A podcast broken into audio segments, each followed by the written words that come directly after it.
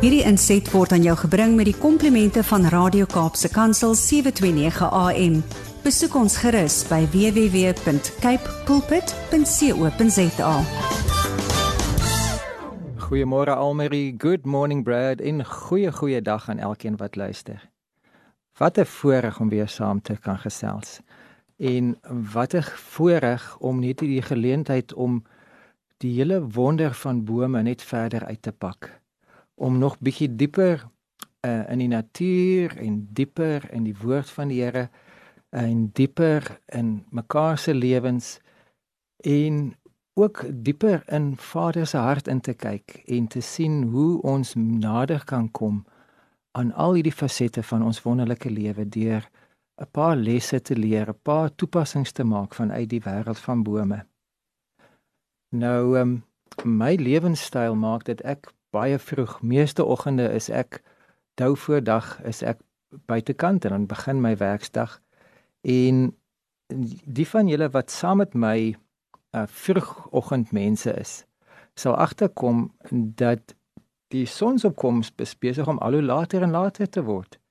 En dit is natuurlik nie 'n fout nie, dit het natuurlik niks te doen met Eskom nie, dit het niks te doen met een of ander vertraging in die skedule nie dit is presies op koers want dit is 'n seisoensverandering. Dit was van die begin van die skepping af so gewees dat daar sekere dae is wat die son langer skyn en sekere dae wat die son korter skyn, waar die son vroeër opkom en dan later ondergaan en dan omgekeerd. En hier in die suidelike halfrond is ons nou besig om herfs in te gaan. daarmee saam kan ek begin agterkom dat die aandliggie begin skraal raak. En elke nou en dan dan begin ek voel, "Ag, ek moes maar vir my 'n warmpie saamgebring het want dit dit raak nogal bietjie koel." Cool. En my pa wat tot 'n uh, maand gelede in die Kaap saam gebly het, hy is nou verhuis Pretoria toe en hy is nou by my suster en my broer na die afsterwe van my ma.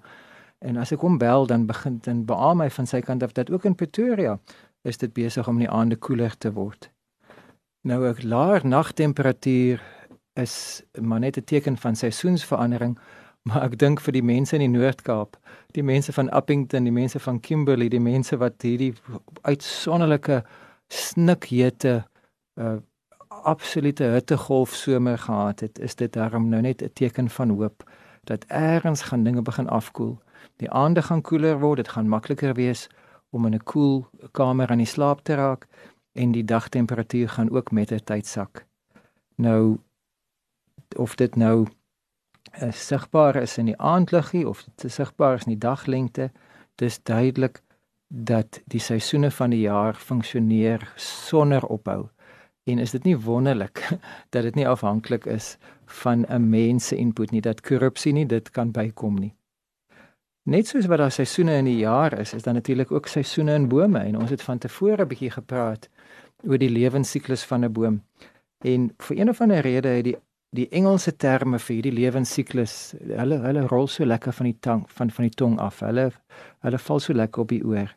As ek sou sê seed, seedling, sapling, young tree, mature tree, old tree, decaying tree and rotting log.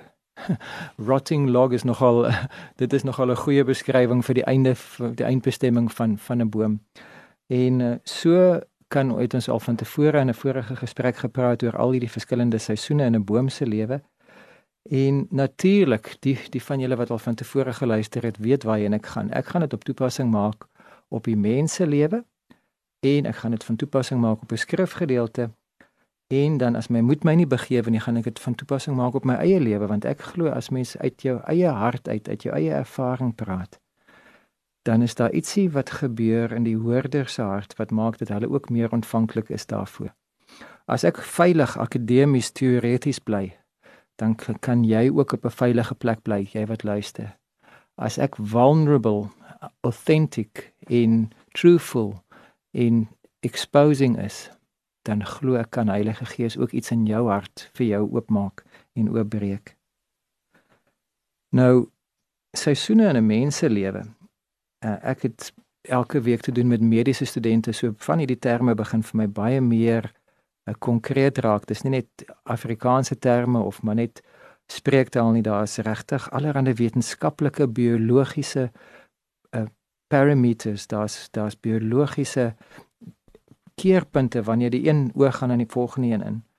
'n uh, 'n gamete, embrio, 'n fetus, 'n pasgebore babatjie, 'n papbabatjie. Nou hier, hier die volgende twee is ek nie seker of my volgorde reg is nie. Ek sê kleuter en dan Peter maar dit mag ook dalk wees dat dit eers Peuter is en dan Kleuter. En ek het met ons vyf kinders het ek geweet dat Kleuter en Peuter en uh, daai daai tyd van van ouerskap en gesinslewe is in elk geval so holdest te bolde so gaan wonder mense kry baie keer daai volgorde verkeerd nie. 'n Voorskoolskind, 'n laerskoolkind.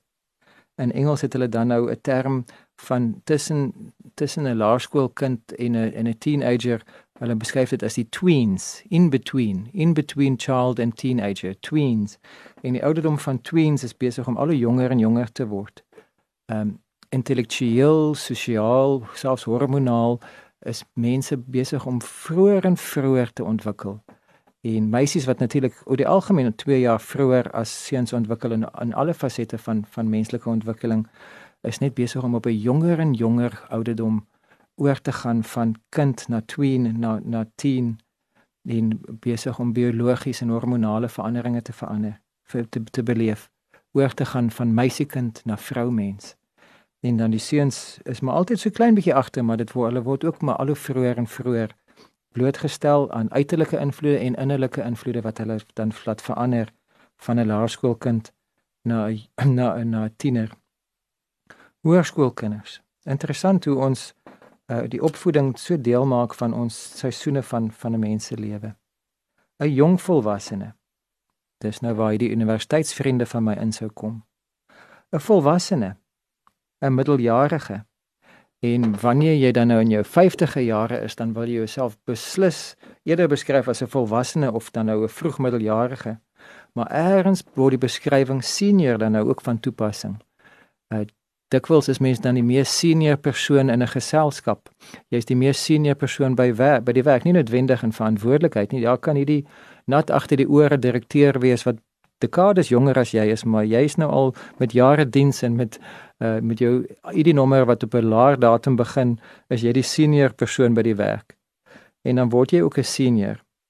En hier en daar praat mens dan van bejaardes, maar dis dikwels jong mense wat ander mense so beskryf, dieselfde die die mense van wie gepraat word wat hulle self as bejaard sou beskou. Hulle sou hulle self eerder beskryf as ervare of mature, maar nie noodwendig as bejaard nie. Maar eers raak 'n mens dan nou grys en wys. Grys en wys enige tyd eerder as oud en koud.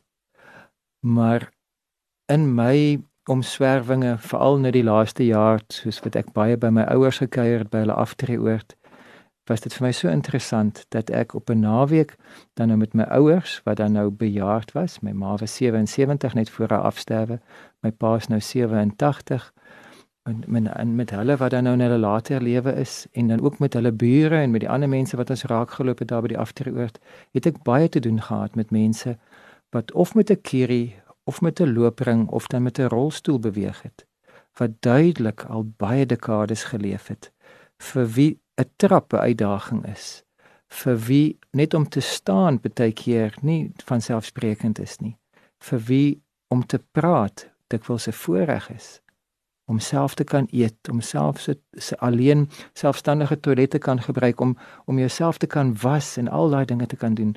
Dit word al hoe meer en meer 'n genadegawe en minder van selfsprekend. En dan aan die ander kant van die spektrum boonbehalwe ons eie kinders wat jong volwassenes is en hoërskoolkinders en laerskoolkinders is, het ek dan nou gereeld te doen met hierdie mediese studente. Baie van hulle is nagraads, baie van hulle is besig met hulle PhD, maar hulle is jonk en entoesiasties. Hiperintelligent, maar dikwels baie onervare. Party van hulle kom uit Kenia, Malawi, Ghana. Baie van hulle kom van die Limpopo provinsie af, baie van hulle uh, is hier uit die Kaap uit. En een ding boonbehalwe hulle intellek en hulle en hulle vasberadenheid om 'n sukses te maak van hulle studies. Een ding wat uitstaan is die feit dat hulle jonk en entoesiasties is. So die die voorreg om dan met wyser, ervare mense te doen te hê en ook met jonger, entoesiastiese mense het 'n wonderlike balans in my lewe gebring. Dit laat my dink aan 'n skrif in die Ou Testament, 'n bekende skrif, Prediker hoofstuk 3. For our English speaking listeners, that would be Ecclesiastes. En uh, soos wat ek van tevore eendag opgemerk het, Ecclesiastes is nie aansteeklik nie. Dit is maar net die Engelse term vir brood uh, vir prediker. Prediker 3 vers 1 tot vers 8. Ek lees uit die direkte vertaling. Vir alles is daar 'n vasgestelde tyd. Daar is 'n tyd vir elke saak onder die hemel. 'n Tyd om geboorte te gee en 'n tyd om te sterf. 'n Tyd om te plant en 'n tyd om uit te trek, dit wat geplant is. 'n Tyd om 'n lewe te neem en 'n tyd om te genees. 'n Tyd om af te breek en 'n tyd om op te bou. 'n Tyd om te huil en 'n tyd om te lag. 'n Tyd om te rou en 'n tyd om te dans. 'n Tyd om klippe weg te gooi en 'n tyd om klippe bymekaar te maak. 'n Tyd om te omhels en 'n tyd om ver te wees van omhelsing. 'n Tyd om te soek en 'n tyd om te laat wegraak. 'n tyd om te bewaar en 'n tyd om weg te gooi. 'n tyd om te skeur en 'n tyd om toe te werk. 'n tyd om stil te bly en 'n tyd om te praat. 'n tyd om lief te hê en 'n tyd om te haat.